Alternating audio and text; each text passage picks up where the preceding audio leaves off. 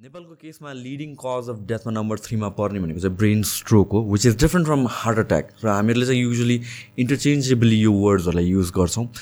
र brain स्ट्रोकको केसेसमा symptoms पनि त्यस्तो प्रमिनेन्टली नदेखेको कारणले र लेट ट्रिटमेन्ट भएको कारणले चाहिँ धेरैजनाले ज्यान गुमाउनु पर्छ।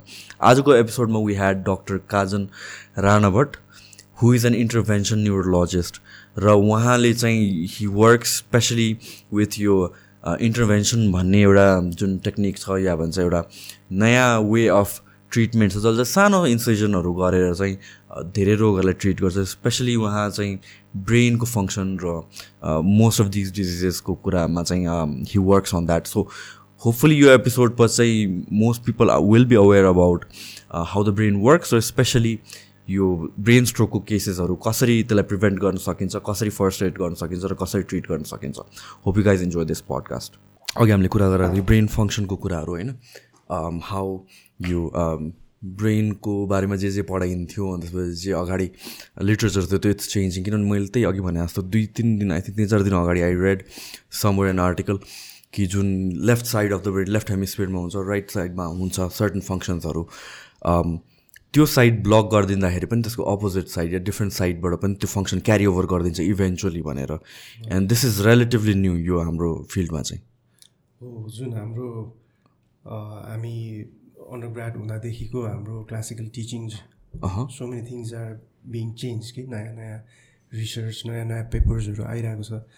सो यही न्युरोमोडुलेसन्सको कुराहरू हामीले अघि गऱ्यौँ लाइक सर्टन स्पेसिफिक सेन्टर्सहरू एट्रिब्युट गरेको थियो सर्टन फङ्सन्सहरूलाई ब्रेनको टोपोग्राफिकली भनौँ न। यो चाहिँ अहिले होइन कि भनेर नयाँ जस्तै एउटा फङ्सनलाई लिएर सेन्टर्सहरू हेर्न थाल्यो भने त्यो छरिएर बसेको जस्तो।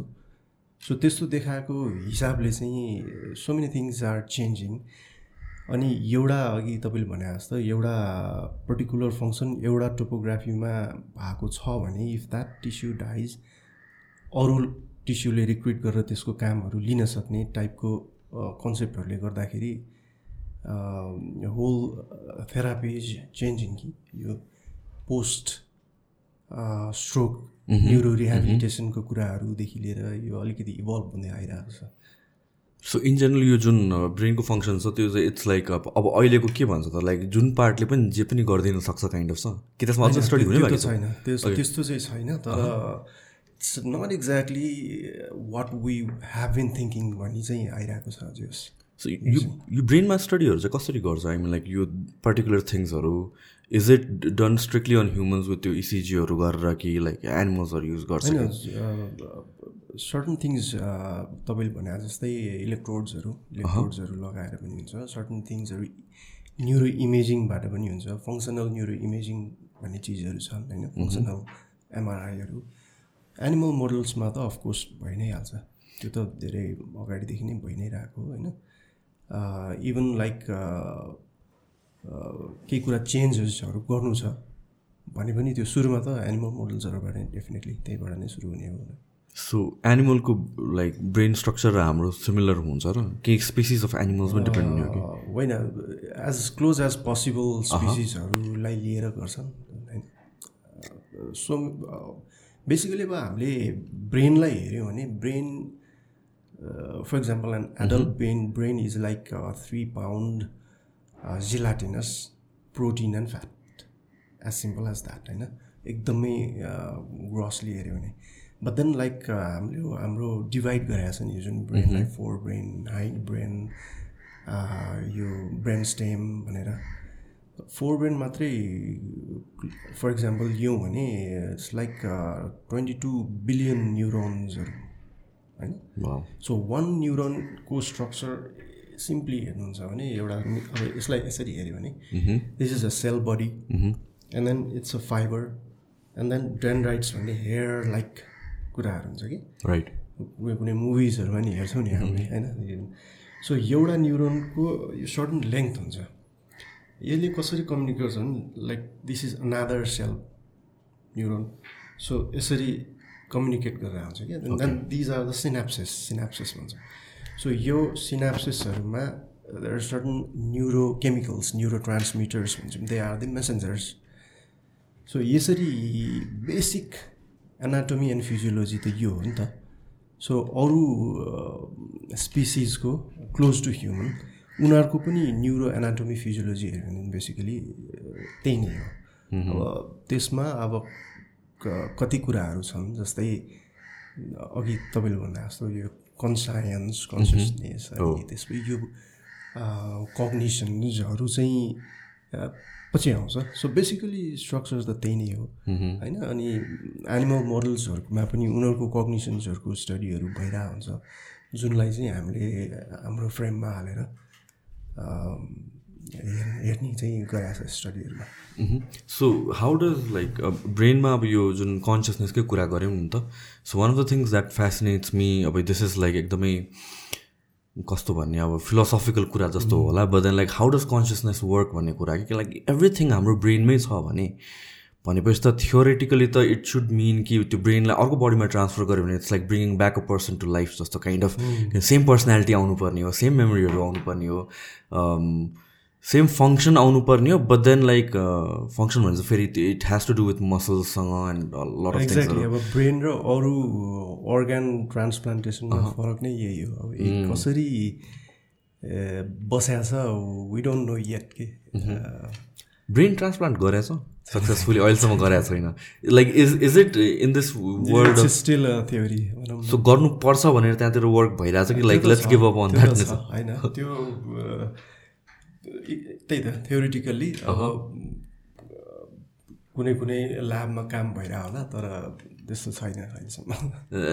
I kind of feel like जो एक्सपर्ट्सहरूसँग कुरा गर्दा पनि brain is one of those organs जहाँ चाहिँ रिसर्च रिसर्च हुँदा पनि फाइन्डिङ्स रिलेटिभली एकदमै नयाँ छ अनि त्यसपछि there so much more to explore जस्तो कि। किनभने हामीसँग हेर्ने मोडालिटिजहरू पनि त्यही अनुसारले इभल्भ भइरहेछ नि त। So so many things are coming up पहिला पहिला अब भनौँ न फर इक्जाम्पल एउटा फङ्सनल एमआरआई नै नहुँदाखेरि एनाटोमी बेस्ड हुन्छ नि सर्टन स्टडिजहरू थियो भने अहिले अब अहिलेको स्टडिजहरू is getting better and better so lately चाहिँ अलिकति धेरै नै कुराहरू नयाँहरू आइरहेछ। Because of new technology of reading how the brain is working as well तपाईँ खासमा न्युरोलोजीतिर इन्ट्रेस्ट कहाँबाट आयो तपाईँलाई? What fascinates you basically radiology हो मेरो ब्याकग्राउन्ड चाहिँ। सो तर मेडिसिन इट्स अलवेज चार्मिङ होइन? अब न्युरो मेडिसिन त्यसमा पनि न्युरो इन्टरभेन्सन जुन मैले थिएँ त्यसमा चाहिँ ब्रेनमा brain itself is so interesting कि अब यसमा एक्सप्लोर गर्दै गर्दै जाँदाखेरि कहिले पनि कहीँ पनि पुगिहाल पुगि पुगिँदैन भने जस्तो हुन्छ कि so point of time exactly कहिलेबाट भने यही जब मेरो एक्सपोजर लाइफ सेभिङ प्रोसिजर्सहरूमा भयो नि स्ट्रोकदेखि लिएर त्यसपछि या this things have to be introduced in Nepal भने जस्तो फिल भएको। र एउटा पोइन्ट चाहिँ जब म बाँसबारीमा डक्टर देवकुडाहरूसँग काम गर्थेँ नि त्यति बेला हो मेरो बेसिकली न्युरो इन्टरभेन्सनमा एक्सपोजर भएको। त्यहाँ हामीसँग एउटा पुरानो मेसिन थियो जुनमा काम गर्दै जाँदा अनि मेरो एकदम इन्ट्रेस्ट बिल्डअप हुँदै जाँदा पछि यसैलाई मैले अब क्यारियरै बनाउँछु भनेर त्यतातिर नै लाग्यो। सो तपाईँले अघि के अरे स्ट्रोकको कुरा पनि ल्याउनु भयो होइन सो स्ट्रोक र हार्ट एट्याकलाई एकदम इन्टरचेन्जेबली युज गर्छ most पिपलले right but these are different कसरी एक्सप्लेन माइकलाई हल्का यतातिर तानिदिनुहोस् त तपाईँ चाहिँ। यो आर्म नै तान्नुभयो हुन्छ ल पर्फेक्ट सो बेसिकली फिजियोलोजिकली हेर्ने हो भने चाहिँ सिमिलर हो। जस्ट अर्गान्स आर डिफ्रेन्ट होइन? हार्ट एट्याकमा पनि के हुन्छ भने heart heart has to pump blood throughout the body होइन? That's how all the body gets its food and oxygen so Hartley pump गरिरहने हो any time throughout the life तर हार्ट आफैले पनि आफ्नो ब्लड सप्लाई छ नि त। सो कोरोनरी आर्ट्री भन्छौँ हामीले त्यसलाई। हार्टको आफ्नो ब्लड सप्लाई हो त्यो हार्टले आफ्नो पाउने ब्लड सप्लाईमा ब्लकेज भयो एक्युटली भने हार्टको फङ्सनल फङ्सनालिटी रोकियो नि एकछिनलाई। त्यही चिज त्यही सेम चिज ब्रेनमा हुनेलाई ब्रेन एट्याक भन्ने हुन चाहिँ। ओके सो स्ट्रोक भन्यो भने इट्स लाइक ब्रेन अट्याक यसरी as simply as this we can we should understand like this खास भन्यो भने। स्ट्रोक भनेको पक्षघात जे भनिन्छ नि हाम्रो हृदयघात भने जस्तै मस्तिष्कघात।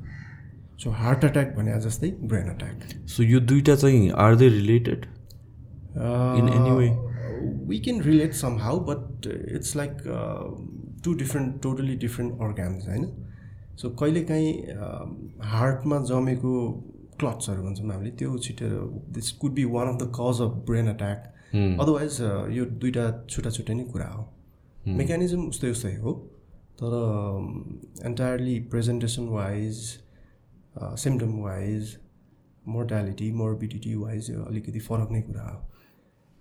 किनभने अझै अभियसली किन फरक हो भने लाइक हामीले जब हार्ट एट्याकको कुरा गर्छौँ नि हार्टमा चाहिँ सो मेनी पेन रिसेप्टर्स कि हार्टको टिस्युहरूमा सो हार्ट एट्याक भन्ने बित्तिकै हामी पेनसँग रिलेट गर्छौँ नि त। यस्तो सिभियर पेन हुन्छ होइन? त्यो पेन ट्रान्सफर पनि हुन्छ यताउति। हामी त्यो हार्ट एट्याक त हामी सबैलाई थाहा छ होइन? सो पेन हुने बित्तिकै हस्पिटल दौडिने हाम्रो चलन छ नि त। तर इन्ट्रेस्टिङली के छ भने ब्रेनमा brain brain as such brain tissue brain parenchyma भनौँ न त्यो जुन हामीले इमेजिन गर्छौँ नि ब्रेन एज सच त्यो जिलाटिनस त्यो ब्रेन टिस्युमा चाहिँ पेन रिसेप्टर हुँदै नै हुँदैन कि। Okay. So unlike heart attack this is so interesting like brain एट्याकमा it's painless but it has other whole set of symptoms होइन?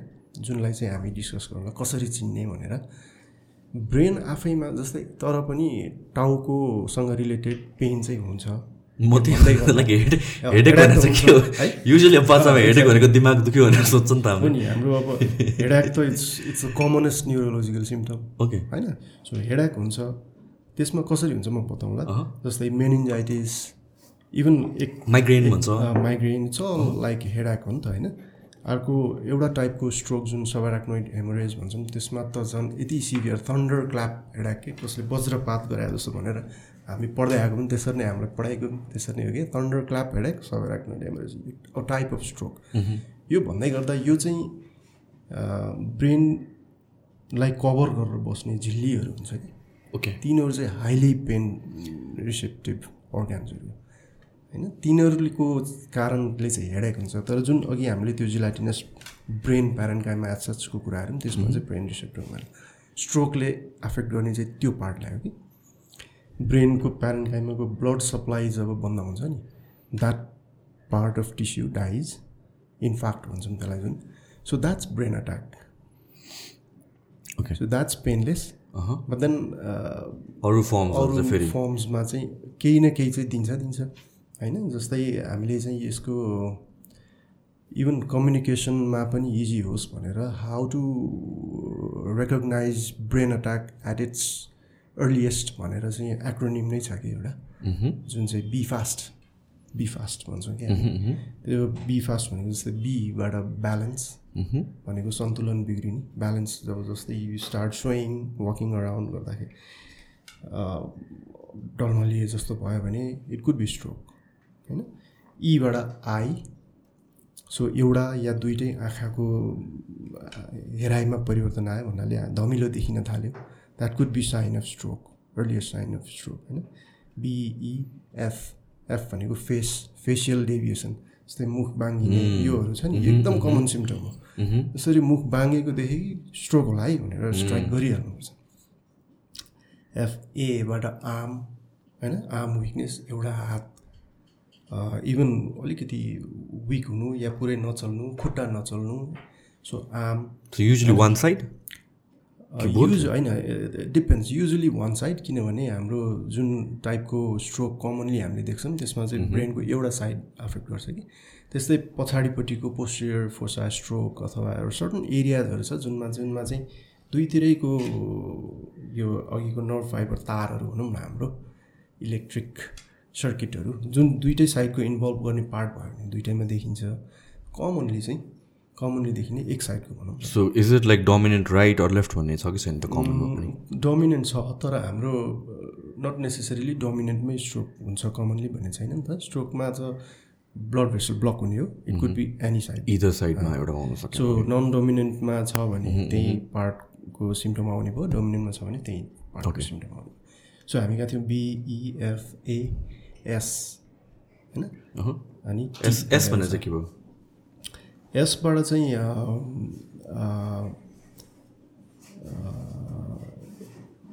एकैछिन है त मैले रिकल गरिहालेँ। ब्यालेन्स भयो हाम्रो आई त्यसपछि फेसियल डेभिएसनको कुरा गऱ्यौँ आर्म्स त्यसपछि एकैछिन है म रिकल।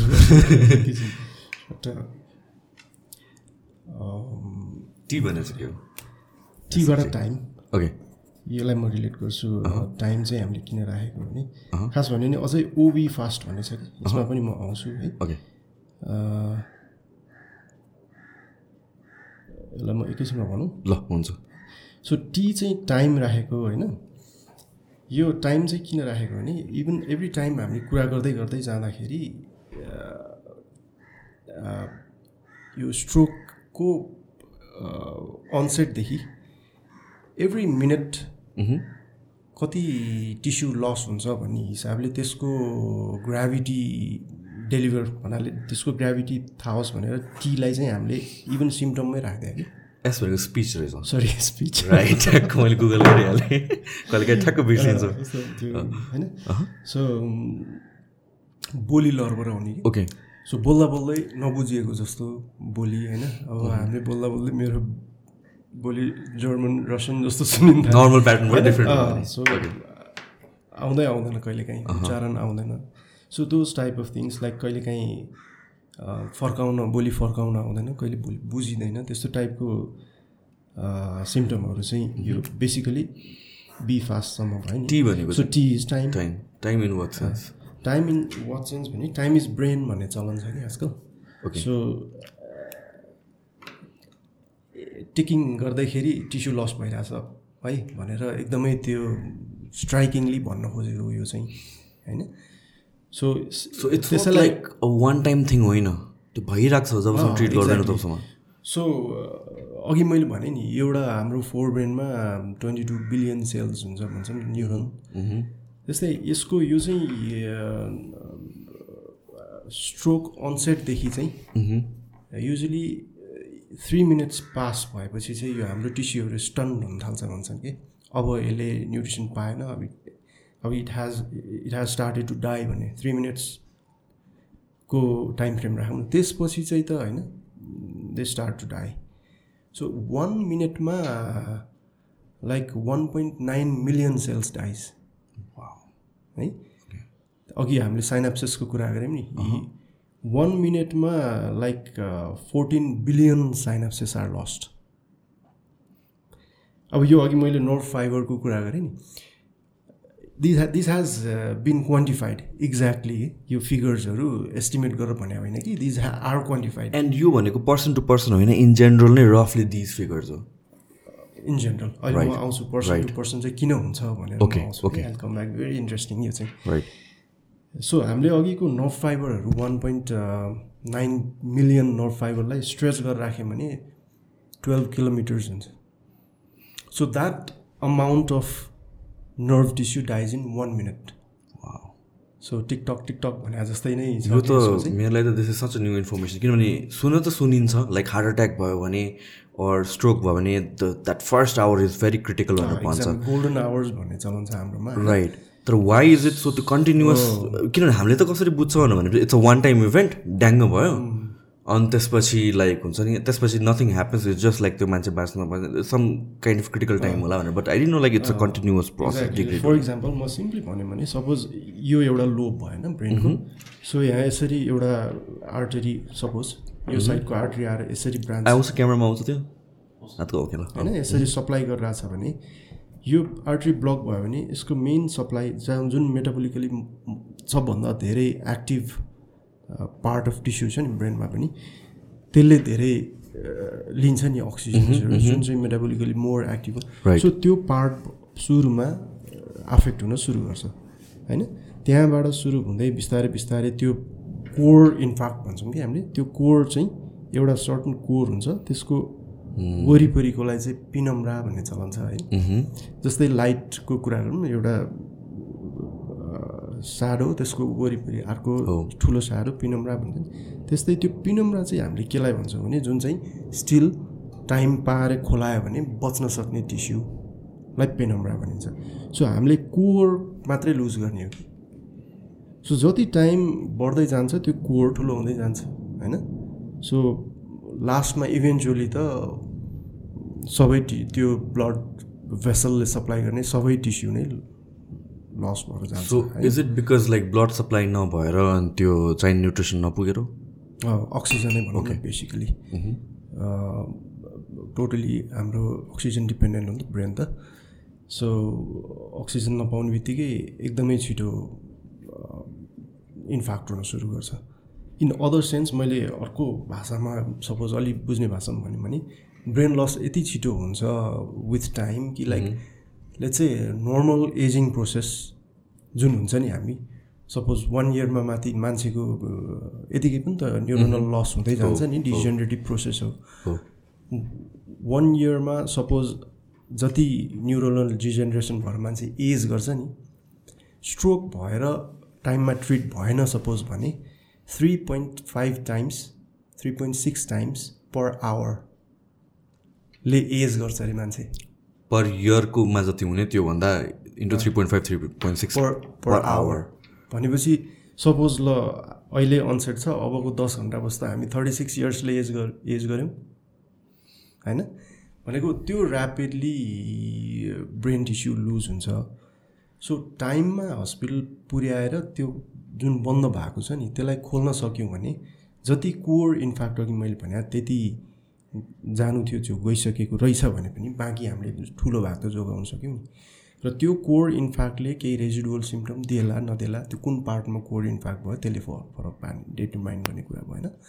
सो बेसिकली यो पनि भन्दै गर्दा अझ मैले के भन्छु भने जस्तै सपोज केही ट्रिटमेन्ट दिन सकिएन भने त्यो टेरिटोरी जति लुज हुन्छ नि त्यो लुज भएकोले रेजिडुअल प्यारालाइसिस मात्रै हुने होइन कि?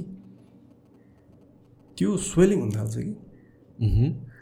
यो अर्को ठुलो पार्ट चाहिँ यो लाइफ हाउ यो स्ट्रोकको ट्रिटमेन्ट इज लाइफ सेभिङ भन्ने चिज चाहिँ हाम्रो ब्रेन त एउटा क्लोज बक्स हो एउटा यो क्रेनियमभित्र छ नि त। अनलाइक सपोज मेरो हातमा चोट लाग्यो भने जति सुन्ने पनि ठाउँ छ नि त। ब्रेनको टिस्यु त स्वेलिङ भयो भने has no where to go so एउटा पार्ट सुन्यो भने it has to compress the other part होइन?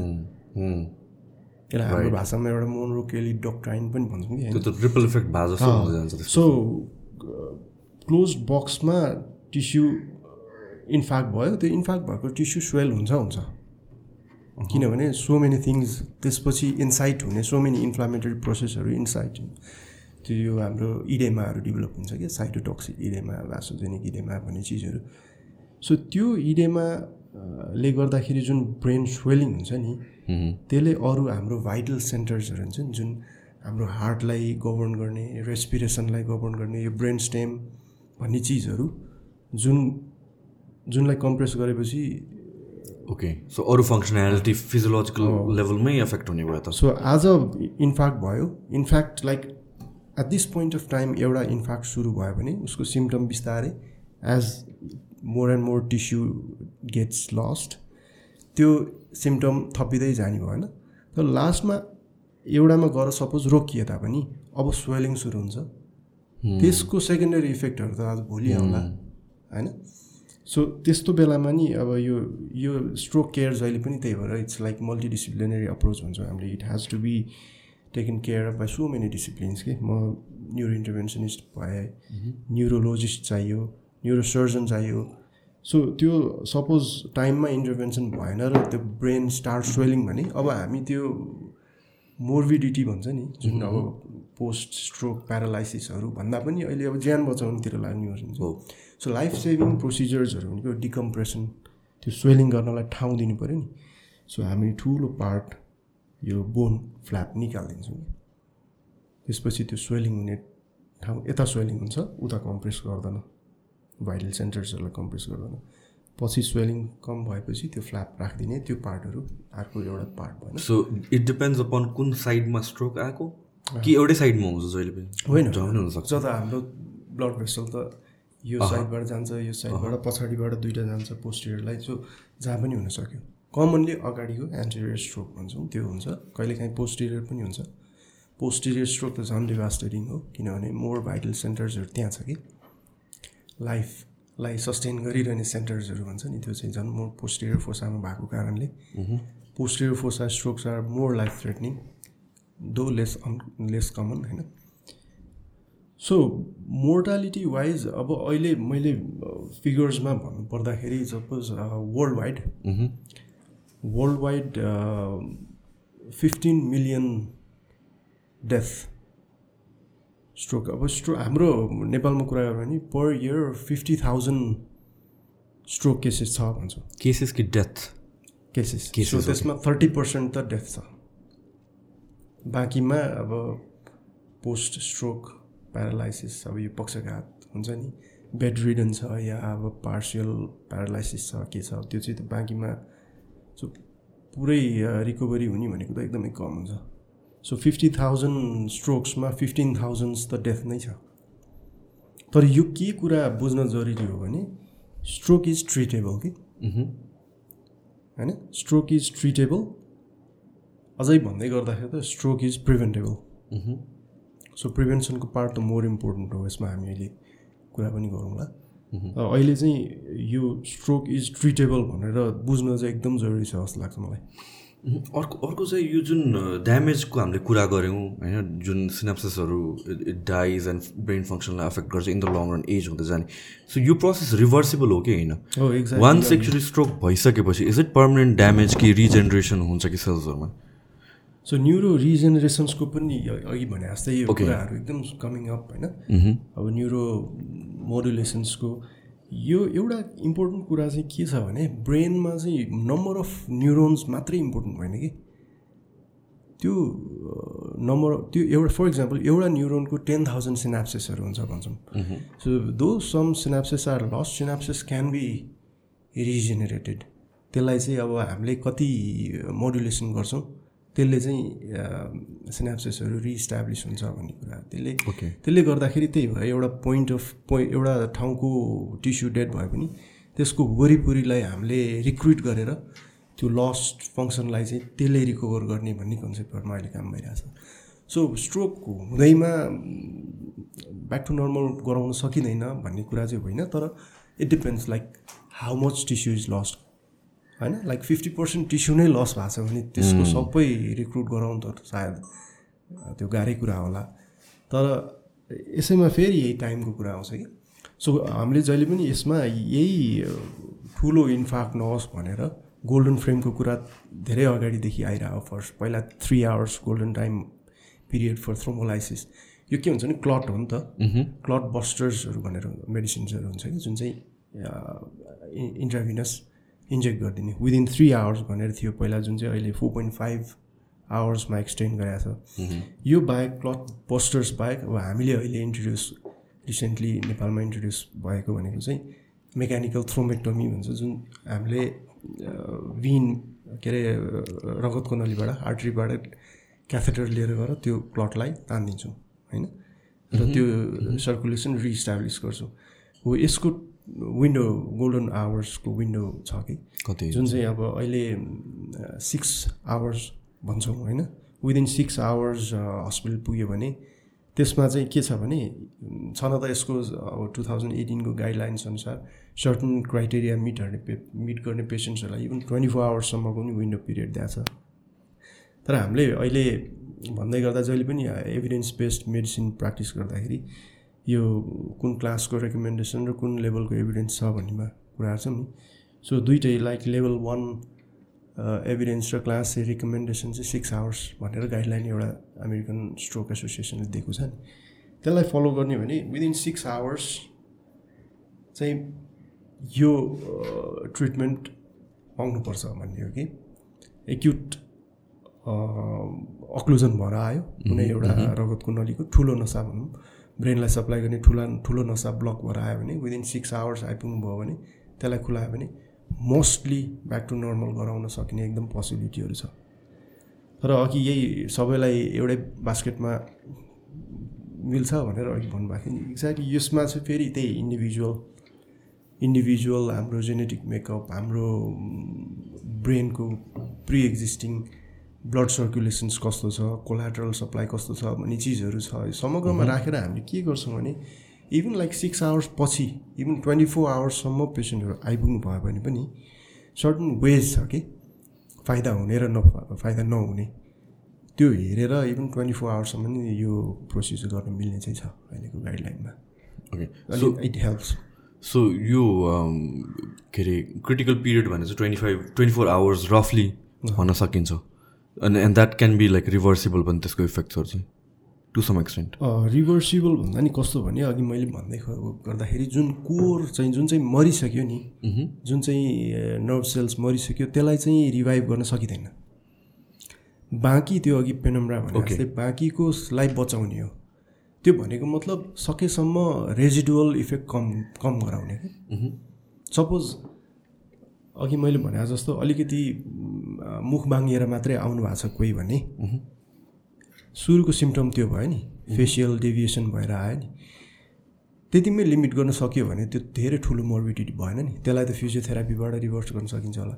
तर if that progresses two hours few hours suppose हात पनि चल्न छोड्यो खुट्टा पनि चल्न छोड्यो होइन?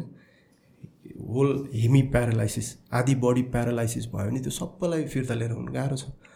सो त्यो मुख मात्रै बाङ्गिएको स्टेजमा हामीबाट आइपुग्नु भयो भने त्यो बाँकी सबै त बचाउन सक्यो नि। बेड रिडन हुनु परेन लाइफ लङ पेसेन्ट त्यो हो हाम्रो एम चाहिँ मेन सो जुन तपाईँले त्यो सर्जरी प्रोसेस भन्नुभयो नि जुन हातबाट के गरेर पठ के गर्छ भन्नुभएको थियो? युजली प्राय यो रेडियल आर्ट्री भन्छौँ। त्यहाँबाट पठाउने चाहिँ युजली अहिलेसम्म चाहिँ धेरै चाहिँ हाम्रो कार्डियोलोजीको प्रोसिजरहरूमा त्यो हुन्छ हामी चाहिँ युजली अलिकति ठुल्ठुलो क्याथेटरहरू लिएर जानुपर्ने भएको हो र यो खुट्टाको ग्रोइनको आर्टरी फिमोरल आर्टरी भन्छ त्यहाँबाट जान्छ यहाँबाट पनि जान सकिन्छ। यो हार्ट हेरिन्छ। यो स्ट्रोकको केसमा हो कि हार्ट एट्याकको केसमा पनि गरिन्छ? बोथ नेपालमा इन्ट्रोड्युस भएको हार्टको चाहिँ धेरै भइसक्यो जस्तै हामीले बलुन एन्जियोप्लास्टी अनि हार्टमा स्टेन्ट हालेको भन्ने कुराहरू त हामी धेरै सुनेको छौँ नि त। त्यो चाहिँ एक्युटली त्यसरी नै हार्टले अघि मैले भने जस्तो हार्टले आफूले पाउने ब्लड सप्लाई कोरोनरी आर्ट्रीमा अक्लोजन भयो अ, साँघुरियो। त्यसले गर्दाखेरि चेस्ट पेन भएर आउनुभयो। होइन? त्यसलाई चाहिँ उतिनखेरै यहाँबाट त्यही क्याथेटर लिएर गएर अनि बलुन त्यहाँसम्म पुर्याएर त्यसलाई खुलाइदिने। त्यसले मात्रै भएन भने स्टेन्ट हाल्नुपर्ने छ भने स्टेन्ट हालिदिने अनि त्यो खुलेर बस्छ। त्यही चिज चाहिँ हामीले आजकल अहिले अब ब्रेनमा गरिरहेको छौँ so this is so interesting to me किनभने चाहिँ मेरो ठुलोबालाई अस्ति नै एकचोटि के भएको थियो भनेपछि राति एकैचोटि हल्का ग्यास्ट्रिक भएको जस्तो भयो क्या। ओके।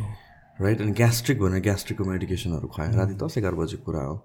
ग्यास्ट्रिकको मेडिकेसनहरू खुवायो अनि ल न त ठिक छ भनेर के पनि लाइक आतिनु पर्दैन भनेर सुत्नु भयो अनि भोलि बिहानसम्म like most of the symptoms खासै केही पनि थिएन बट लाइक एकचोटि जाउँ न त हस्पिटल जाँदाखेरि चाहिँ it was like heart attack आएको भनेर डायग्नोज भयो क्या इमिडिएटली त्यो that procedure angio angiography right so the thing is like कतिजना मान्छेलाई त्यो हामीले त सोच्छौँ नि हार्ट एट्याक भनेर जुन मुभीहरूमा देखाउँछ। सो त्यो नभएसम्म हस्पिटल जानै पर्दैन। आई मिन डायग्नोसिस नै राइट टाइममा हुँदैन नि त। यो मिमिक्स भन्छौँ कि हामीले अब त्यो।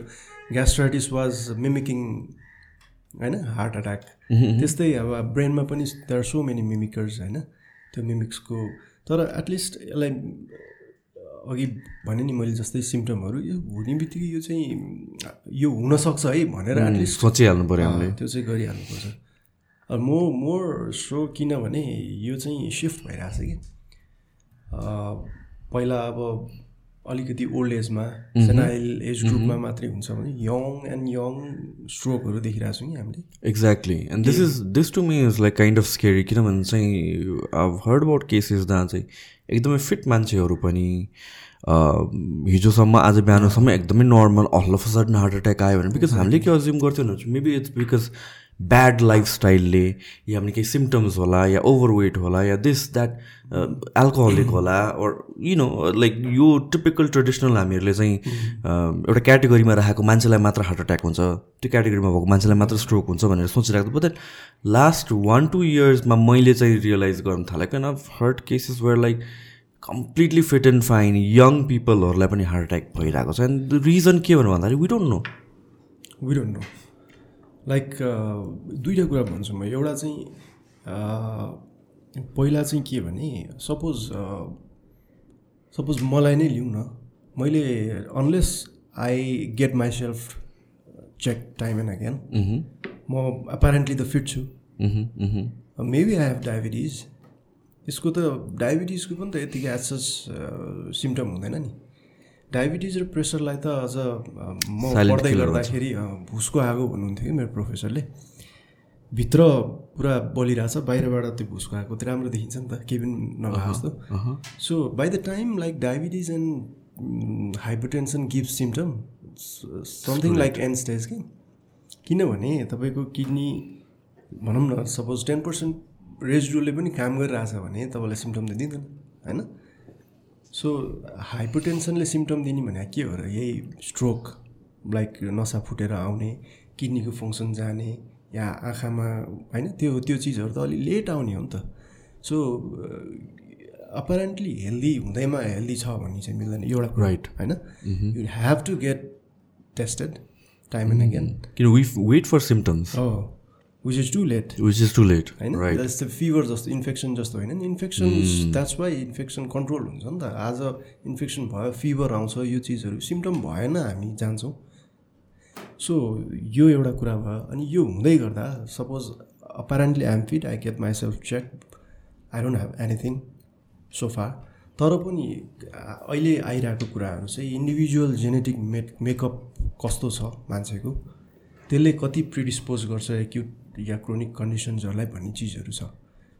अघि इक्जाम्पल लिउँ न जब दसजनालाई कोभिड भएको छ भने सो मच होइन सम सुकुम सो इजिली होइन कसैमा भन्छ नि यो यही टाइप हो यो जेनेटिक मेकअपको इन्डिभिजुअलाइज हुँदो रहेछ। इभन स्ट्रोकमा पनि त्यस्तै छ। हामीले अघि मैले भनेँ नि टाइम भने यस्तो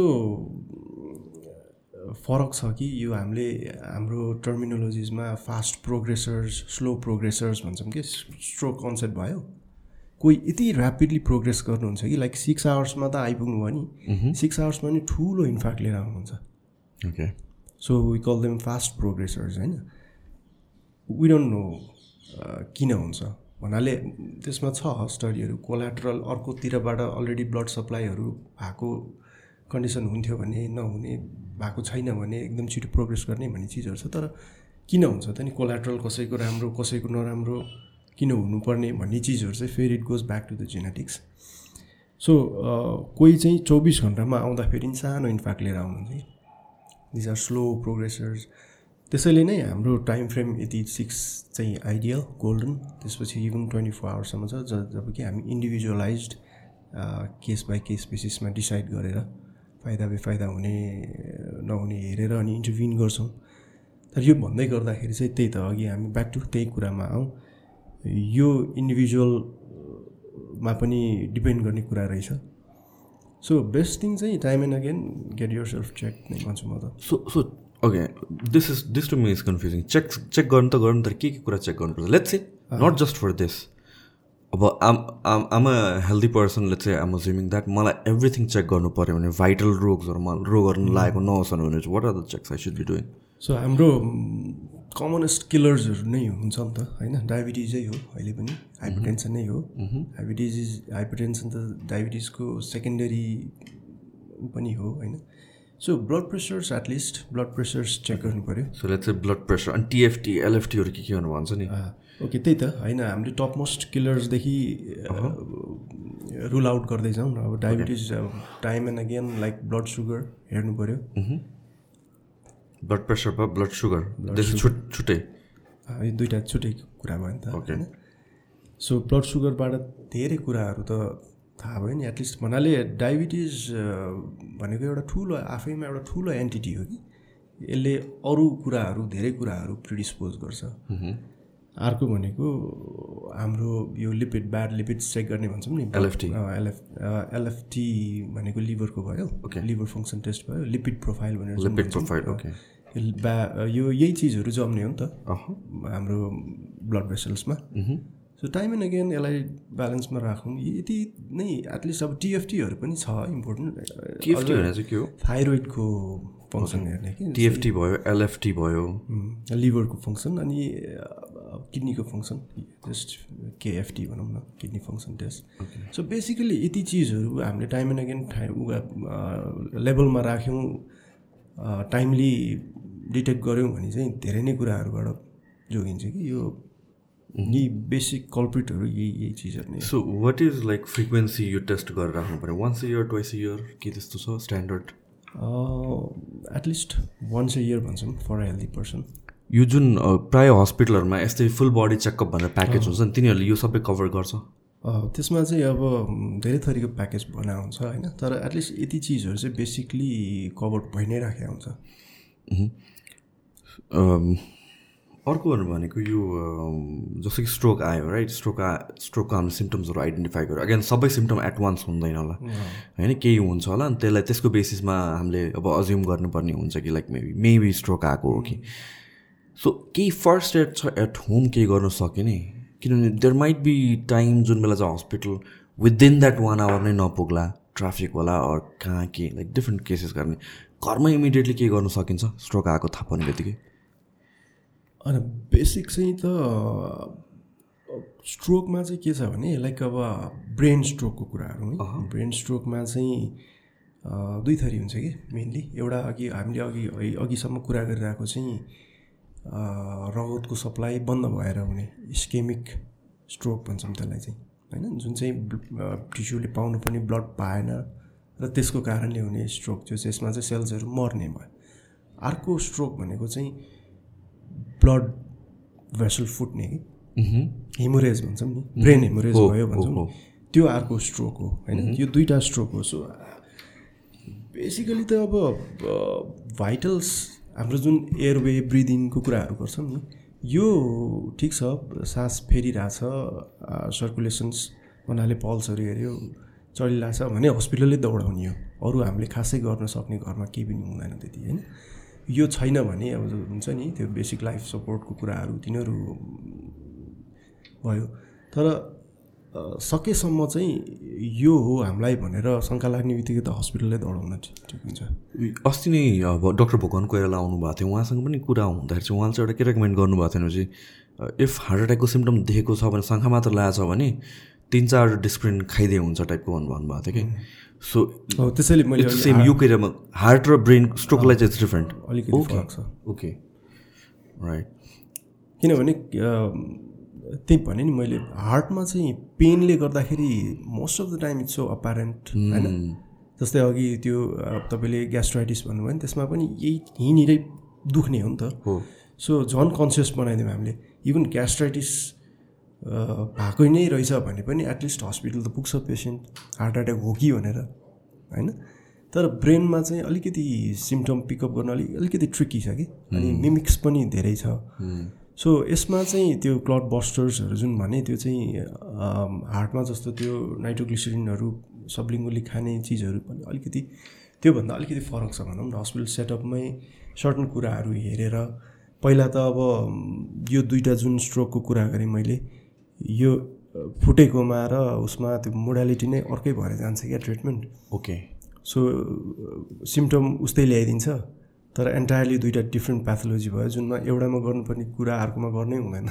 ओके ए ओके होइन त्यो टाइपको छ भनेर हस्पिटलै दौडिनु चेक गर्ने सो हस्पिटल जाने बित्तिकै first thing we do is rule out यो दुइटा मध्ये कुन चाहिँ हो त भनेर हेर्ने। हेमोरेजिक हो कि स्केमिक हो त्यसपछि बल्ल ट्रिटमेन्ट कतातिर लाग्छ भन्ने कुरा थाहा हुन्छ। सो स्ट्रोकको के स्ट्रोकको केसेसमा सबै हस्पिटलमा हुन्छ यो सर्भिस छैन कहाँ लग्ने त कुरा आयो सो ब्रेन स्ट्रोकमा चाहिँ के हुन्छ भने कम्प्रिहेन्सिभ स्ट्रोक केयर भन्ने concept like stroke ready hospitals भनेर भन्ने चलन छ कि?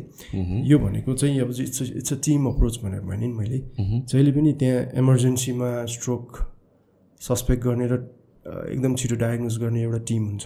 स्ट्रोक रेडी टिम भनौँ न इमर्जेन्सी रेडी हुनु पऱ्यो अझ यो त अझ हस्पिटल ट्रान्सफरदेखि लिएर कुरा आउँछ। सपोज हाम्रो त ट्राफिकहरूको यस्तो अब अझै भ्याली बाहिरबाट कोही आउनु पऱ्यो भने भनौँ न। सो एउटा रेस्क्युदेखि लिएर रेस्क्यु टिम भनौँ न। रेस्क्युबाट त्यो त्यहाँबाट सुरु हुन्छ कि? प्यारामेडिक्सबाट सुरु हुन्छ स्ट्रोकको ट्रिटमेन्टको त्यो टिम अप्रोच भनौँ न।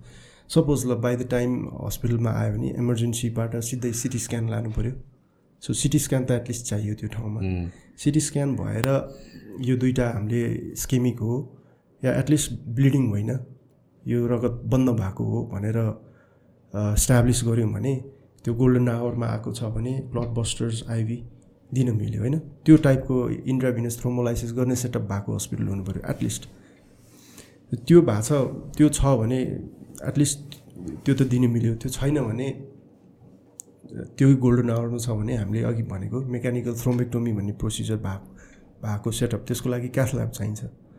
होइन? कहिले बिचमा अब एमआरआईको मोडालिटी पनि त्यो विन्डो हेरेर हामीले एमआरआईबाट पनि केस सेलेक्सन गर्नुपर्ने हुन्छ। सो यो सबै भएको सेटअप चाहिँ स्ट्रोक रेडी अब त्यसमा फेरि अरू टिमहरू छ न्युरोलोजिस्ट होइन? ट्वेन्टी फोर आवर्स अभाइलेबल हुनु पऱ्यो एटलिस्ट भन्ने बित्तिकै त्यहाँ अभाइलेबल फ्लोरमा अभाइलेबल हुनु पऱ्यो न्युरोसर्जन चाहियो। होइन आइसियु सेटअप चाहियो स्ट्रोक एक्युट स्ट्रोक युनिट भनेर। सो यो सबै भएको हस्पिटलहरू धेरैभन्दा धेरै आउन जरुरी छ कि? अहिले करेन्टली काठमाडौँमा कुन कुन हस्पिटल यसरी रेडी छ? अहिले छ अब जस्तै म अहिले काम गरिरहेको बिएनबी हस्पिटलमा हामीले नेपालको सेकेन्ड एक्युट स्ट्रोक युनिट भनेर रिसेन्टली सुरु गरेका छौँ होइन। अब अघि रेस्क्युबाटै सुरु गर्नुभन्दा त्यहाँ अब इभन हेली रेस्क्यु गर्नु पऱ्यो भने नि रुफमै ल्यान्ड गर्नुपर्ने टाइप यो टाइपको प्रेमिसेसले एक्युट स्ट्रोक युनिट भनेर मल्टिडिसिप्लिनरी स्ट्रोक टिम छ हाम्रोमा। त्यसरी नै अब यो फर्स्ट एक्युट स्ट्रोक युनिट भएको भनेको त्यति बेला हामी नै थियौँ बाँसबारीमा doctor Devkota Bansbari hospital neuro hospital बाँसबारीमा छ? So IV thrombolysis at least mechanical thrombectomy धेरै ठाउँमा नभए पनि आइभी थ्रोमोलाइसिस चाहिँ अलिकति धेरै हस्पिटलहरूमा छ। इभन लाइक ह्याम्समा छ होइन? यो क्याथल्याब यो सेटअपहरू केस्टहरूमा छ कि छैन? किस्टमा रिसेन्टली क्याथल्याब सेटअप गरेको छ केएमसीमा सेटअप गरेको छ अहिले भर्खरै होइन? सो यो आउ- आइरहेछन् लास्ट फ्यु लेटली चाहिँ। यसको डेटा हामीले। निकाल्न सक्छौँ भ्याली बाहिर पनि छ भनौँ भने अब जस्तै सिएमसीमा पनि क्याथल्याब छ त्यहाँ पनि न्युरो इन्टरभेन्सनको टिमहरू हुन्छ तर फुल फ्लेजमा रनिङ हुनलाई it takes a lot of things कि? त्यो चाहिँ अलिकति अझै वर्कआउट गर्नुपर्ने छ धेरै ठाउँहरूमा चाहिँ। सो यसको हामीले डेटा निकाल्न सक्छौँ कुन कुन हस्पिटलमा सर्भिस इभन पूर्वमा पनि छ है? पूर्वमा बिएनसीमा छ। सो यो ठाउँहरू यत्तिकै पनि आइडेन्टिफाई चाहिँ गरेर राख्नु जरुरी छ किनभने आई थिङ्क लाइक यो एपिसोडकोमा चाहिँ बिराज एउटा सर र खोजेर यो डेटा निकालेर हस्पिटलको नाम र फोन नम्बर चाहिँ एटलिस्ट डिस्क्रिप्सनमा हालिदिउँ न होइन त्यो गर्नु पर्ला हामीले। Okay so let's talk about यो प्रिभेन्सन चाहिँ कसरी गर्न सक्छौँ? हामीले अघि नै अलिकति टच गर्ने भन्थ्यो। प्रिभेन्सन गर्ने मेजर्सहरू के हो? अपार्ट फ्रम जेनेटिक्समा के गर्न सकिँदैन? त्यसमा चाहिँ त अहिले मैले बोलिहाल्न सक्ने नलेज मसँग अहिले छैन भनौँ न। सो जेनेटिक्सको टेस्ट गर्न सकिन्छ सकिँदैन। एमआई प्रोन टु दिस भनेर त्यो पनि अहिले भन्नाले त्यही अब अघि भने नि मैले अब हामीले त फेरि एभिडेन्स बेस्ड. बोल्नुपर्ने हुन्छ होइन? कुनै ल्याबमा भइरहेकोलाई अहिले मैले बोलिहाल्नु मिल्दैन। सो अहिले छैन भनेर बुझौँ। सो बे सो त्यही भएर प्रिभेन्सनको कुरा बढी गर्नुपर्ने हुन्छ होइन? हो। सो प्रिभेन्सनमा एउटा त किपिङ हेल्दी लाइफस्टाइल नै हो। प्लस अघि मैले भने जस्तै टाइम एन्ड अगेन टेस्ट गर्नु पऱ्यो। टेस्ट गर्नु पऱ्यो। यसको चाहिँ त अब अल्टरनेटिभै छैन भन्छु म खासै भन्यो भने त। Unless you get a blood sugar tested you'll never know कि। यो अनि अघि तपाईँले ठ्याक्क भन्नुभएको एउटा दिमागमा आयो चाहिँ त्यो जुन आर्टरी ब्लक भएर ब्रेनमा जाने आर्टरी ब्लक भएर क्यारोटेड आर्टरी भन्छ? होइन? क्यारोटेड आर्टरी ब्लक भएपछि चाहिँ ब्रेन डिजेनरेट हुन थाल्छ टु सम एक्सटेन्ट सेल्सहरू नाउ अलिकति मैले अलिकति आउट अफ कन्टेक्स निकालेँ होइन? I I practice martial arts अनि त्यसपछि जुजुत्सुमा there uh there this thing call rear naked choke भन्छ वेयर गोल नै त्यो क्यारोटेड आर्टरी बन्द गर्ने हो अनि पिपल पास आउट. सो त्यो पनि मल्टिपल फ्रिक्वेन्टली प्र्याक्टिस गर्नु या म पास आउट हुनु इज इट लाइक स्टुपिड त्यसले ड्यामेज गर्छ एभ्री सिङ्गल टाइम गर्न सक्छ। ओके जस्तै अघि मैले भने नि like as soon as like blood vessel gets blocked त्यो तिन मिनटमा स्टन्ड हुन थाल्छ भन्छ नि। त्यो स्टन भनेको मतलब चाहिँ सपोज अक्सिजन पाएन न्युरोन्स गेट कन्फ्युज होइन? त्यही हो पास आउट भन्ने भने चाहिँ।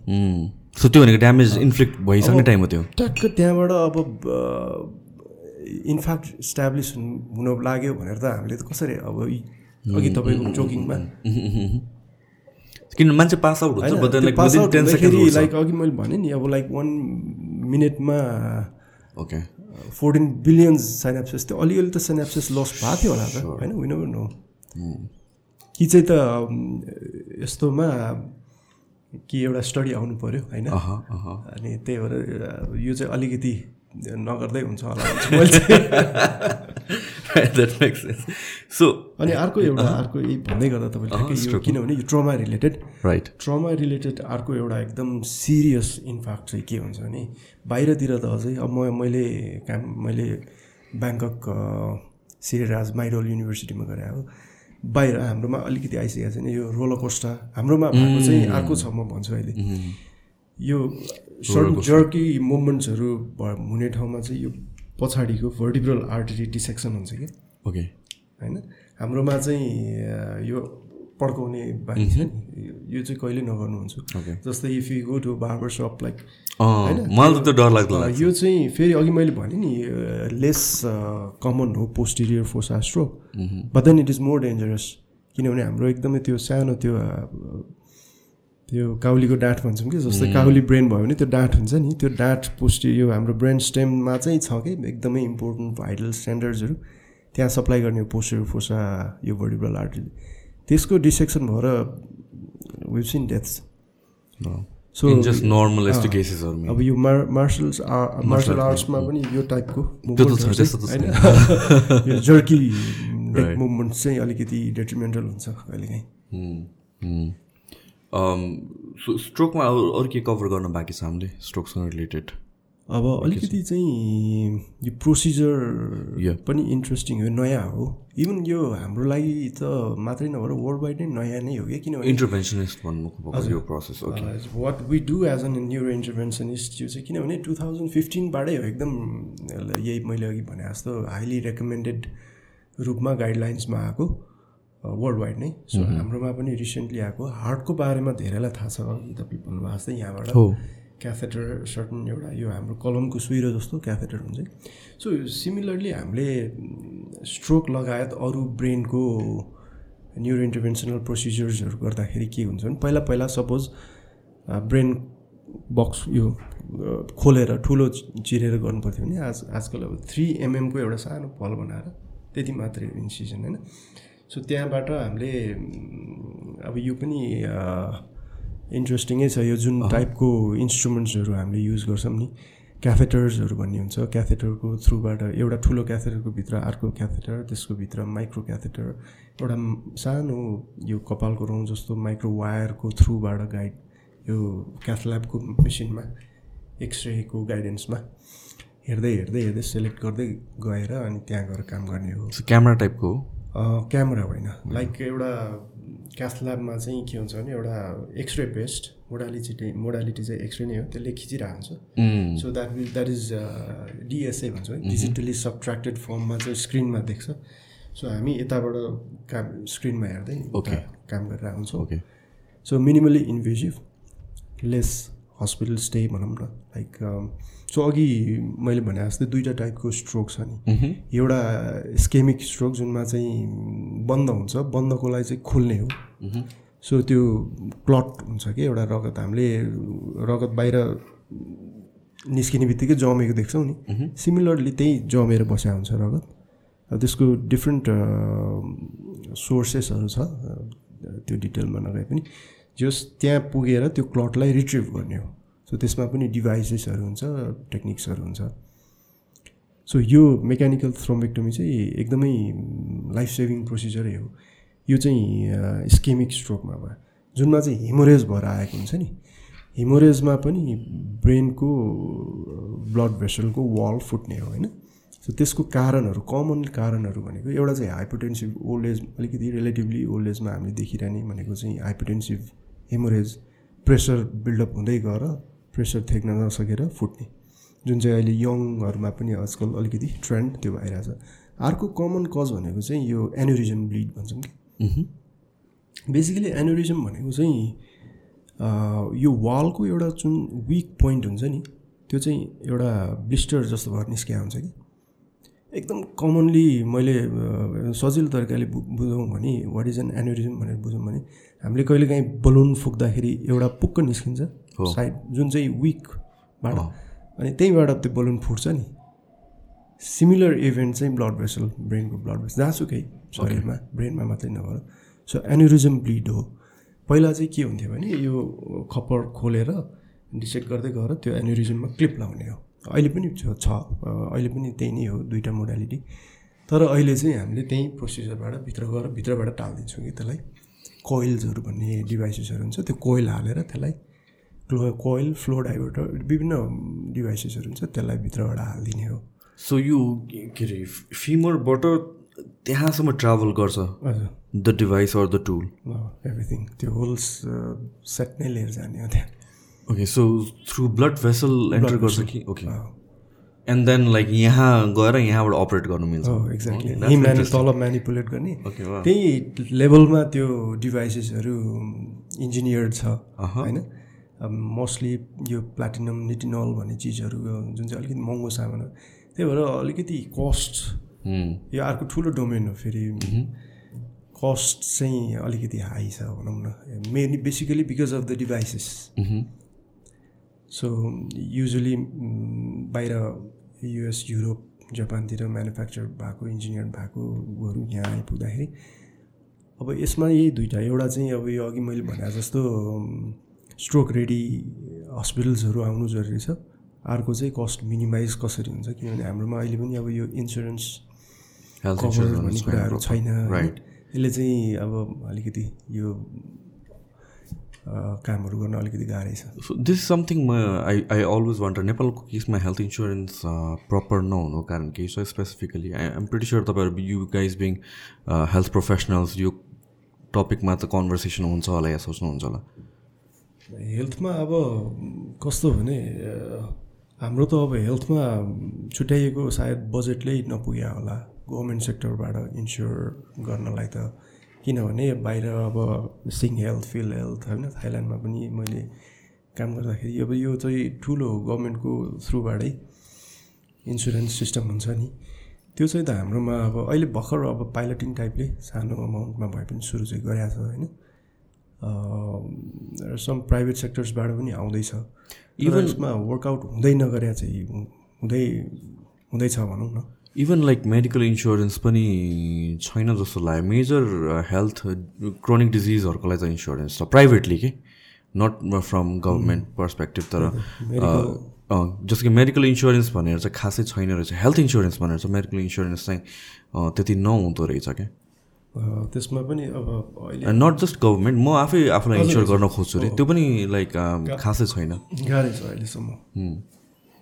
अब वर्कआउट चाहिँ हुँदैछ होपफुल्ली इभन प्राइभेट सेक्टरबाट भए पनि गभर्मेन्टबाट भए पनि छिटै आउँछ होला।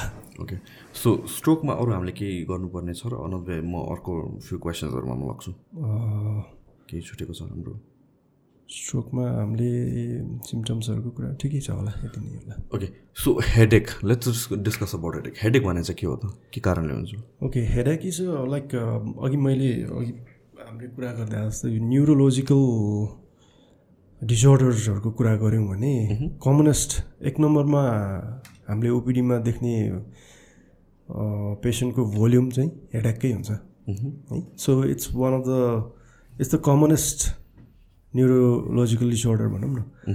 So headache is a vast topic in itself है किनभने हेडेक धेरै किसिमको हुन्छ धेरै कारणले हुन्छ. एउटा सिम्पली लाइक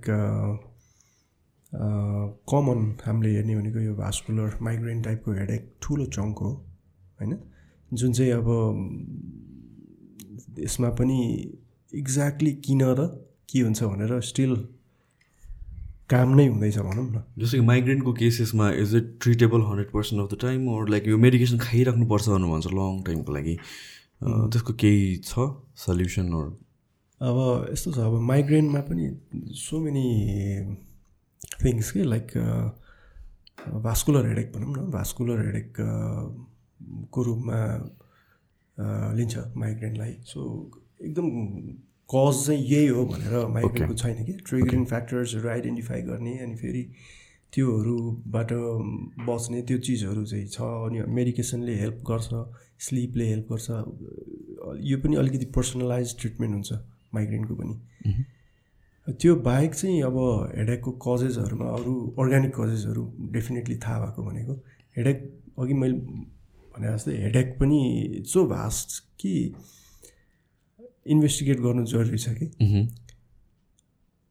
एउटा चाहिँ त बिहेभियरल पनि हो पेन इज अ बिहेभियर भन्छ नि। सो हेडाक पनि त्यो क्याटेगोरीमा आउने खालको पनि हुन्छ। नत्र अर्को चाहिँ अब भित्र केही भएर पनि भइरह भइरहेर हेडाक भइरहेको पनि हो कि? इभन लाइक फेरि त्यसलाई क्याटेगोराइज इन्फेक्सनदेखि ट्युमरल कन्डिसनहरूदेखि त्यो त्यो चिजहरू हेर्नु जरुरी हुन्छ नि। लाइक इभन इन्फेक्सन मेनेन्जाइटिसमा सिभियर हेडाक हुन्छ भने मैले अघि होइन त्यो एक टाइपको स्ट्रोकमै पनि हेडाक हुन्छ। भित्र एउटा केही ग्रोथ भइरहेछ कि होइन? ट्युमरहरू पो छ कि। सो सो मेनी कजेस के? Headache is a big topic in itself जस्तो जस्तो कि स्ट्रेसले गरेर पनि हेडेक हुन्छ। फिजियोलोजिकल लेभलमा केही हुन्छ त्यतिखेर हुन्छ हामीले त अब टेन्सन हेडेक टेन्सन हेडेक भनेर सुनिरहेकै हुन्छ नि। सो अघि मैले भने नि ब्रेन प्यारेन्काइमा इट सेल्फमा चाहिँ त पेन रिसेप्टर छैन नि। त्यो त्यसको माथि माथि भएको चिजहरूमा चाहिँ त्यो एउटा मेनिजेसको लेयर हुन्छ। सो मेनिन्जियल इरिटेसन कुनै पनि कारणले भयो भने सिभियर हेडेक हुन्छ। इभन यो हामीले नेक रिजिडिटीहरूको कुराहरू छन् त्यो टाइपको एउटा भयो भने त्यो माथि इभन यो सबैभन्दा माथि आएर हाम्रो मसल्सहरू हुन्छ। यो स्पास्मिक भयो स्पास्मोडिक यो टेन्स्ड भएर बसिरहेको हुन्छ कि? इभन यहाँको मसल्सहरू बेसिकली यो वान अफ द कमन हो। यहाँको मसल स्पाजम भएर हेडेक पर्सिभ हेडेक लिएर आउनेहरू। त्यसमा चाहिँ युजली यही मसल्सहरू रिलिज गर्न भनेर फिजियोथेरापीहरूले हेल्प गर्ने टाइपको कुराहरू छ होइन? सो स्ट्रेससँग रिलेटेड त एकदमै धेरै छ हेडाकहरू यो ब्रेनको function as we age decrease हुँदै जान्छ क्यापेसिटी भनौँ न। त्यसलाई स्लो डाउन गर्नलाई केही छ? एक्ज्याक्टली यही हो फेरि यो ब्याक टु अब अलिकति नन स्पेसिफिकली भन्यो भने चाहिँ स्ट्रेस नै कम गर्ने हो। जुनसुकै फर्ममा भए पनि होइन? अहिले त अब एज अन मेडिकेसनै आइरहेछ यो हाम्रो जुन योग र प्राणायामको कुराहरू छ नि दिस रियली हेल्प्स है। ओके म आफै पनि यो प्र्याक्टिस गर्छु होइन? So stress is one of the leading cause of aging के सो सकेसम्म त स्ट्रेसलाई नै ह्यान्डल गर्ने हो इन जेनरल ब्रेनको फङ्सन इन्क्रिज गर्नलाई like is specific kind diet or यस्तो के डायट चाहिँ इभन लाइक मेडिकेसन्सहरू पनि एक्सपेरिमेन्टल मेडिकेसन्सहरू छ which are so many drugs coming in market every day like तर त्यसमा चाहिँ अब त्यो चाहिँ अलिकति मेरो डोमेनबाट फरक पनि भयो। ओके इन इन जेनरल सप्लिमेन्ट्सहरू यिनीहरू कतिवटा चाहिँ हुन्छ भनेर भन्छ बदन like is it marketing stuff मात्र के जस्तो पनि लाग्छ अब त्यही कुन लेभलको रेकमेन्डेसन र एभिडेन्स छ भन्ने चिज नै हो फेरि ओके एन्ड यो ब्रेनको डेभलपमेन्ट युजली कुन एजसम्म हुन्छ? Is it in the teen age years twenty twenty टूसम्म यसको खास अब हाम्रोमा के हुन्छ भने न्युरोनल डेभलपमेन्ट र अघि मैले भने नि न्युरोन्सहरू brain basically protein and fat भने नि। त्यो फ्याट मैले किन भनेको थिएँ भने यो ब्रेनको न्युरोन्सहरूलाई चाहिँ एउटा माइलिन भन्ने फ्याटले कभर गरेर हुन्छ कि। सो यो प्रोसेस चाहिँ माइलिनेसनको प्रोसेस चाहिँ बेबी जन्मिसकेको वान इयरसम्म पनि भइरहन्छ भन्ने। एडल्ट टाइपको हामीले इभन एमआरआईमै हेर्दाखेरि नि एडल्ट टाइपको अपियरेन्स पुग्नलाई अलिकति जन्मेको पनि केही समय लाग्छ भन्छ नि। त्यसपछि यो स्ट्रक्चरल डेभलपमेन्ट चाहिँ त धेरै भइसकेको हुन्छ। त्यसपछिको पार्ट हुन्छ नि यो जुन कग्निटिभ योहरू चाहिँ एडल्टहुडसम्मै हुन्छ। अब त्यही ट्वेन्टिज पछि चाहिँ degenerative age usual degenerative process सुरु हुने नै हो। न्युरो डिजेनेरेसन त्यसैमा त्यस्तै नै। So in case of alcohol भयो मेरोवाना भयो जुन मेमोरीको इफेक्ट्सहरू छ सर्ट टर्ममा पनि देखिन्छ देखिन्छ तर लङ टर्ममा पनि कति छ भनेर पर्छ। हामीले यसलाई चाहिँ त इभन एल्कोहल रिलेटेड डिजेनरेसन्सहरू त इभन एमआरआईमै पनि होइन लङ टर्म एल्कोहल अब्युजर्सहरूको ब्रेन एट्रोफीको सर्टन प्याटर्न्सहरू नै इभन डिस्क्राइब भएको छ होइन? सो तिनीहरू त डेफिनेटली छ। So again these are reversible to some extent कि वान्स त्यो न्युरोनल न्युरोन्स लस्ट चाहिँ लस्ट हो युजली मोडुलेसनले त्यसलाई अलिकति रिकभर गर्ने यही हामीले त्यो अघि कुरा गऱ्यौँ नि। त्यो पार्टहरू मात्रै हो नत्र once neurons are lost usually त्यो लस्ट नै मान्छौँ so I think we discuss pretty much everything के एड गर्नु छ तपाईँलाई लास्टमा के मैले मिस आउट गरेँ कि? इम्पोर्टेन्ट टपिक डिस्कस गर्नलाई। मेनली चाहिँ मलाई एकदमै भनिरहन मन लागेको चाहिँ लाइफ सेभिङ प्रोसिजर्सहरू जुन स्ट्रोकदेखि लिएर अरू पनि छन् जुन चाहिँ हामीले न्युरो न्युरो इन्टरभेन्सनकोले गर्ने अरू ठुलो पाटो चाहिँ हामीले डिस्कस त गर्न भ्याएनौँ होइन? ओके लेट्स डिस्कस केमा युज हुन्छ? सो न्युरो इन्टरभेन्सनमा चाहिँ त जुनसुकै पहिला खोलेर गरिन्थ्यो नि त्यसमा नखोलिकन गर्ने जुन ब्लड भेसलबाट त हामी जहाँ पनि पुग्न सक्छौँ कि होइन? सो फर इक्जाम्पल चाहिँ एउटा एभी माल फर्मेसन भन्ने हुन्छ जुन चाहिँ आर्टिरियो भिनस माल फर्मेसन जुनलाई पहिला खोलेर निकालिन्थ्यो। हजुर। त्यसलाई हामीले भित्रबाट बन्द गर्न सक्ने।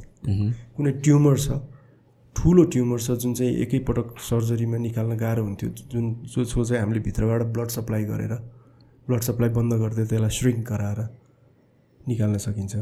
कुनै अघि मैले भने जस्तो यो ब्रेनको बाहिरपट्टिको झिल्ली हुन्छ कि एउटा ड्युरा भन्ने मेन त्यसमा भएको प्याथोलोजिजहरू जुन चाहिँ यस्तो डिफ्युज हुन्छ कि कहिलेकाहीँ सर्जन सर्जरीबाट गर्न सकिँदैन। Not amenable to surgery those type of ट्रिटमेन्टहरू पनि न्युरो इन्टरभेन्सबाट गर्न सकिन्छ कि अहिले। यो बाहेक चाहिँ जस्तै कति कुराहरू छन् जस्तै लाइक सर्जरी नै गर्न नमिल्ने लोकेसनको ट्युमरहरू छ भने त्यहीँ पुगेर स्पेसिफिकली त्यही ट्युमरलाई ब्लड सप्लाई फिड गर्ने पोइन्टमा पुगेर ड्रग्स दिने होइन? त्यो त्यो चाहिँ इन्ट्रा आर्टेरियल केमोथेरापी भन्छ जुन चाहिँ हामी कमनली लिभरहरूमा अरू अर्ग्यानमा गरेर हुन्छ जस्तै यो बच्चाहरूको यो रेटिनोब्लास्टोमा रेटिना हुन्छ नि हाम्रो रेटिनाको ट्युमरहरू जुन चाहिँ सर्जरी नै गर्न मिल्दैन त्यो आँखै निकाल्न पर्ने हुन्छ। त्यसको सर्टन स्टेजमा त्यसकै ब्लड सप्लाईलाई गएर त्यहीँ औषधि दिइदिने होइन इन्ट्रा आर्टेरियल रेटिनोब्लास्टोमाको केमोथेरापी भन्ने टेक्निकहरू छ यस्तो थुप्रै चिजहरू छ कि हामीले गर्न मिल्ने। जुन चाहिँ इभन लाइक सर्वसाधारणलाई भन्दा पनि इभन कति हेल्थ केयर प्रोफेसनल्सहरूलाई पनि थाहा छैन जुन चिजहरू चाहिँ अब हाम्रै जिम्मेवारी हो यो थाहा दिनलाई बिस्तारै। सो यो चिजहरूमा अलिकति अवेरनेसको चाहिँ जरुरी नै छ। सो यो this is like relatively newer way of doing एकदम न्युर न्युवर न्यू भनेको कति भयो होला यो? ग्लोबली आएको? ग्लोबली नै यही मैले स्ट्रोककै कुरा गर्दा त टु थाउजन्ड फिफ्टिनबाट गाइडलाइनमा आएको भनौँ नि सो एकदमै रिलेटिभली न्यू नै हो यो चिजहरू चाहिँ। धेरै ठाउँमा हुँदा पनि हुँदैन अझै पनि। सो नेपालमा कतिको कमन छ र यो? स्ट्रोक चाहिँ अहिले सुरु भएको छ है। त्यो बाहेकको स्ट्रोक भन्नाले ब्रेन हेमोरेज र स्किमिक स्ट्रोक चाहिँ सुरु भएको छ। अब अघि म भर्खर मैले भने जस्तो इन्ट्राआर्टियल केमोथेरापी यिनीहरू यिनीहरू भने चाहिँ अझै सुरु गर्नु बाँकी नै छ हाम्रो अलिफुल फेजमा। सो केले स्टप भइरहेछ त्यो प्रोसेस एक त यही हो हामीलाई यस्तो छ। अब फर इक्जाम्पल म न्युरो इन्टरभेन्सनिस्ट भएँ नि। मेरोमा ओपिडीमै ल्यान्ड नगर्न सक्छ नि त पेसेन्ट होइन? फर इक्जाम्पल अब अब एउटा बच्चा छ जसको रेटिनोब्लास्टोमा छ भने अप्थाल्मोलोजिस्ट तिलगङ्गामा ल्यान्डअप हुन्छ सपोज भने त्यहाँबाट मबाट यो चिज हुन्छ भनेर पठाउन पनि त पहिला थाहा हुनु पऱ्यो नि। यही चिजहरूमै लागिन्छौँ कि अहिले हामीले। पहिला त अब अहिले यो हामी बिचमै अवेरनेसको फेजमा छौँ भनौँ न। मेडिकल प्रोफेसनल्सहरूकै बिचमा। सो यो इन्टरभेन्सनिस्ट भन्ने प्रोफेसन चाहिँ नेपालमा कतिको कमन छ र? छैन। अहिले पनि ह्यान्डफुल अफ लाइक औँलामै गर्न सक्नेहरू छौँ हामी अहिले पनि। ए okay so it's that new हजुर सो यो अवेरनेस नहुनु कारण इट्स रिलेटिभली न्यू नै भएर एक्ज्याक्टली एक्ज्याक्टली ओके प्लस अब सेटअपहरू पनि अब पढेर आए पनि काम गर्ने ठाउँ हुनु पऱ्यो नि। So centres are being build up अनि बिस्तारै अब अब अब अलिकति छिटो ग्रो गर्छ होला जस्तो लाग्छ मलाई किनभने कतिजना साथीहरू पढ्न पनि जानुभएको छ यो विषयमा होइन। अनि सेटअप पनि लगाइरहेको छन् हस्पिटलहरूले। यही बिचमा यो चाहिँ अब हाई टाइम हो हामीले अवेरनेस चाहिँ। यो मेसेज चाहिँ डिसेमिनेट गर्ने चाहिँ एकदम हाई टाइम भएको छ। आई थिङ्क लाइक प्र्याक्टिस गर्ने प्रोफेसनल्सहरू पनि थोरै भएर plus it's relatively new and so त्यो कारणले गरेर त्यो बेसिक इकोनोमिक्स नै maybe for early years did make sense तर with more people coming in जसले चाहिँ यो फिल्डमा स्टडी गराउनु भएको छ I think it will grow on it's for example चाहिँ लाइक म ब्याङ्ककमा पढ्दै गर्दाखेरि म मेरो एउटा को फेलो भनौँ न फर्दर एउटा सर्टन टपिकको एक्सपोजरको लागि जापानबाट आउनुभएको थियो कि। उहाँको उहाँ चाहिँ थर्टिन हन्ड्रेड न्युरो इन्टरभेन्सनिस्ट हुनुहुन्थ्यो कि। इन द वर्ल्ड होइन होइन जापानमा। ए जापानमा ओके होइन? अब हामी ह्यान्डफुल छौँ पाँच सातजना छौँ होला अहिले।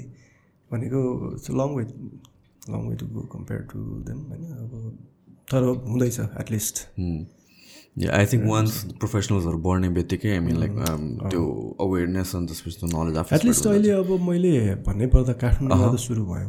ओके भ्याली बाहिर अब अघि सिक्स आवर्सको विन्डोको कुरा सबैजना हेली लिफ्ट गर्दा टाइममा होइन। सो भ्याली बाहिर सुरु गर्न खोज्दै हुनुहुन्छ दुई तिनजना साथीहरूले होइन? भ्याली बाहिर पनि सकेसम्म धेरै ठाउँहरूमा यो कुराहरू स्टार्ट हुनुपर्छ कि। लाइफ सेभिङ प्रोसिजर हो। हस्पिटलले पनि अलिकति आर्ट गरेर सेटअप बनाउनुपर्छ अनि गभर्मेन्टको तर्फबाट आउनुपर्छ जस्तै फर इक्जाम्पल हामीले हार्टको कुरा गऱ्यौँ नि। गभर्मेन्टबाट सब्सिडी छ नि त हार्टलाई। हो हो। त्यसरी नै अब झन् ब्रेनलाई पनि ब्रेनको त झन् महँगो छ। होइन अब अहिले कस्तो छ भने एउटा स्ट्रोक गर्नु पऱ्यो भने पैसा म्यानेज गर्दै हुन्छ नि। अब रेडिली क्यास अभाइलेबल हुने कुरा सबै सधैँ नहुनसक्छ नि। कति एक्सपेन्सेस हुन्छ फर इक्जाम्पल मैले अघि भन्दै गरेँ नि गर्दाखेरि यो स्ट्रोक थ्रोमेक्टोमीको लागि द डिभाइसेस वी युज त्यसको मात्रै तिनदेखि पाँच लाख लाग्छ। Each person one time use हुने कुरा हो। होइन? So there so many techniques सबैमा सबै टेक्निक युज गर्नै पर्छ भन्ने छैन एउटा ट्राई गर्छौँ त्यसपछि त्यो भएन भने अर्को त्यो छ त्यो so three two five lakhs त सामान नै युज हुन्छ। अब त्यसमा अब के छ भने सब्सिडाइज वेमा त्यसलाई प्र्याक्टिसमा ल्याउन सकिन्छ नि त। सपोज यो टाइपको लाइफ सेभिङ प्रोसिजर्सहरूमा गभर्मेन्टको तर्फबाट केही सब्सिडाइज हुने हो कि अनलेस इन्सुरेन्स आउँछ भनौँ न। मिन भाइ लाइक ट्याक्स कम गरेर पो ल्याउन हाम्रो सप्लायर्सहरूलाई होइन त्यो टाइपको सुविधाहरू दिन सकिन्छ कि? Some how there will be a way होइन? लाइफ नै सेभ गर्ने हो भने त सोच्नै पर्ने हुन्छ यो सबै एङ्गलहरूबाटै सो तपाईँहरूको सर्टन काइन्ड अफ यो सोसाइटीहरू यस्तो केही हुन्छ कि हुँदैन? किनभने युजली जस्तो कि हार्टको केसमा पनि सम काइन्ड अफ अर्गनाइजेसनहरू फर्म गरेर प्रपोजल्सहरू गभर्मेन्टलाई गरेर एउटा प्रेसर काइन्ड अब एउटा इन्टरभेन्सन रेडियोलोजी इन्टरभेन्सन रेडियोलोजी भनेर सिसिएर सोसाइटी अफ इन्टरभेन्सनल रेडियोलोजी भनेर हाम्रोमा छ। प्लस अब society of neuro intervention particularly पनि अब त्यो अन्तर्गत वर्किङ आउट। सो युजली गभर्मेन्टमा चाहिँ अप्रोच गर्न खोज्दा like what's the response like अरू प्रोसेसमै अप्ठ्यारो पऱ्यो हो कि?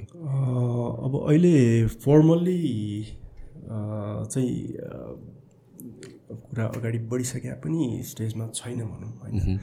तर यो गर्न जरुरी चाहिँ छ। कुरा लिएर जाने हो कि या अब यो चाहिँ यो टाइपको सर्भिसेसहरू चाहिँ भनौँ न हाम्रो वीर हस्पिटलबाट किन नहुने?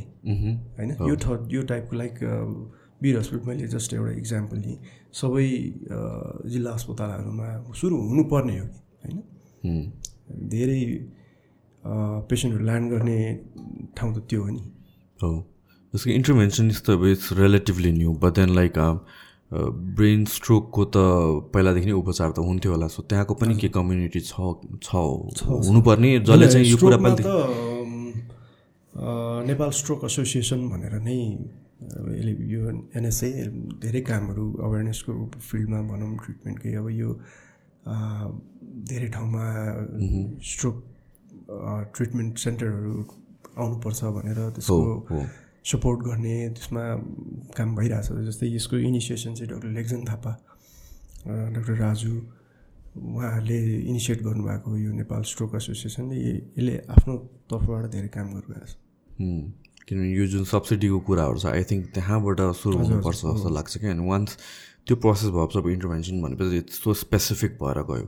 इन जेनरल नै स्ट्रोक लाइक खै त। स्ट्रोकको लागि किन सब्सिडीहरू छैन त? Because it's just as dangerous if not more and just as even like post stroke रिहेबिलिटेसनको ठुलो पार्ट छ होइन? त्यसमा काम गर्नुपर्ने। Okay I think like it's only a matter of time once यो यो इन्डस्ट्रीलाई मोर अवेरनेस क्रिएट नभएसम्म मोर प्रोफेसनल्स नआएसम्म तर भोइस स्ट्रङ हुँदैन। भन्दै गर्दा पनि इट्स हाई टाइम कि किन भन्नुहुन्छ भने लाइक टु थाउजन्ड नाइनबाट यो टु थाउजन्ड लास्ट नाइन्टिन एउटा डेटा निकालेको छ कि? फाइभ नम्बरबाट जम्प गरेर तिन नम्बरमा आएको छ कि स्ट्रोक एज अ किलर नेपालमा। टु र वानमा के हो? वानमा सिओपिडी छ अहिले नि एयरवे डिजिज नै। टुमा हार्ट एयरवे डिजिज भनेको कस्तो भयो यो हाम्रो दम चेस्टको इन्फेक्सन्सहरूदेखि लिएर चेस्टको क्रोनिक डिजिजहरू भनौँ न। सो यो दुईवटा किलर पछि अब पाँचमा भएको जम्प गरेर तिनमा आउनु भनेको त होइन? धेरै ठुलो फोर्टी पर्सेन्टले इन्क्रिज भयो भनेर भन्छौँ अब यो अलिकति धेरै नै अटेन्सन पाउनुपर्ने कुरा I I hope the government pays attention to this and best wishes thank you so much for your time I think हामीले मेजोरिटी कुराहरू डिस्कस गरेँ तपाईँले यत्रो लाइट ल्याइदिनु भयो स्ट्रोकमा किनभने just like me majority of families and general पिपलको नलेजमा स्ट्रोक र हार्ट एट्याक भनेर सेम हो भनेर सोध्छन् एन्ड देन यो थिङ्स लाइक सिम्टम्स नदेखिने specifically when it comes to stroke त्यो पेन्स फ्याक्टर नहुनुको कारणले चाहिँ मान्छेहरूले त्यसलाई ध्यानै नदिएर फर लेट्स चाहिँ दुई दिन तिन दिन चार दिनसम्म ठिक भएर जान्छ भनेर काइन्ड अफ बस्नु त त्यो झन् क्रिटिकल भएर जान्छ मैले अब यही पोइन्टमा अलिकति हाइलाइट गरिहालेँ जुन त्यो बी फास्टको मैले अब यसलाई अब नेपालीमा पनि एउटा एक्रोनिम जस्तै सहज बहस भनेर त्यही एक्रोनिममा त्यही उल्था गर्दाखेरि त्यही नै हुनु यो सिम्टम जस्तै मुख बाङ्गियो भने तुरन्तै हस्पिटल गइहाल्ने डायर इमर्जेन्सी देख्दैन नि त। अनलाइक चेस्ट पेन तर यो हुनु भएन। होइन? जस्तै हात अलिअलि ठिक भइहाल्छ आफै भन्ने टाइपको छ नि ठिक भयो भने त राम्रै नि। एकताले हस्पिटल पुग्दैमा केही बिग्रिँदैन। किनभने दुईवटा पेसेन्ट आँखा अगाडि कम्पेयर गरेर हेर्दा जस्तै जो छ घन्टामा आइपुग्नु भयो र जसको हामीले मेकानिकल थ्रोमेक्टोमी गरेर हिँडेरै जानु भएको छ र अर्को पेसेन्ट भोलिपल्ट आउनुभयो जो चाहिँ लाइफ लङ प्यारालाइसिस भएको छ हेर्नु त होइन? त्यो पेसेन्ट आफू त प्यारालाइसिस हुनुभयो त्योसँग एसोसिएटेड सो मेनी थिङ्स होइन? राइट सो त्यसको त्यो लङ टर्म हेर्दाखेरि खासै भन्यो भने त यो त्यो पोस्ट स्ट्रोक रिहेबिलिटेसन या भनौँ ह्युमन इयर लस्ट होइन? त्यो सबै हिसाब गर्दाखेरि त अघि मैले जुन तिन थ्री टु फाइभ लाखको कुरा हेरेँ नि त्यो सस्तो पर्न आउँछ। त्यो त्यो पर्सपेक्टिभबाट पनि हेर्नु पर्यो not just life saving so it's important to talk about stroke चाहिँ यो thank you so much for time यो इम्पोर्टेन्ट टपिकमा लाइट ल्याइदिनु भएकोमा and I wish you the best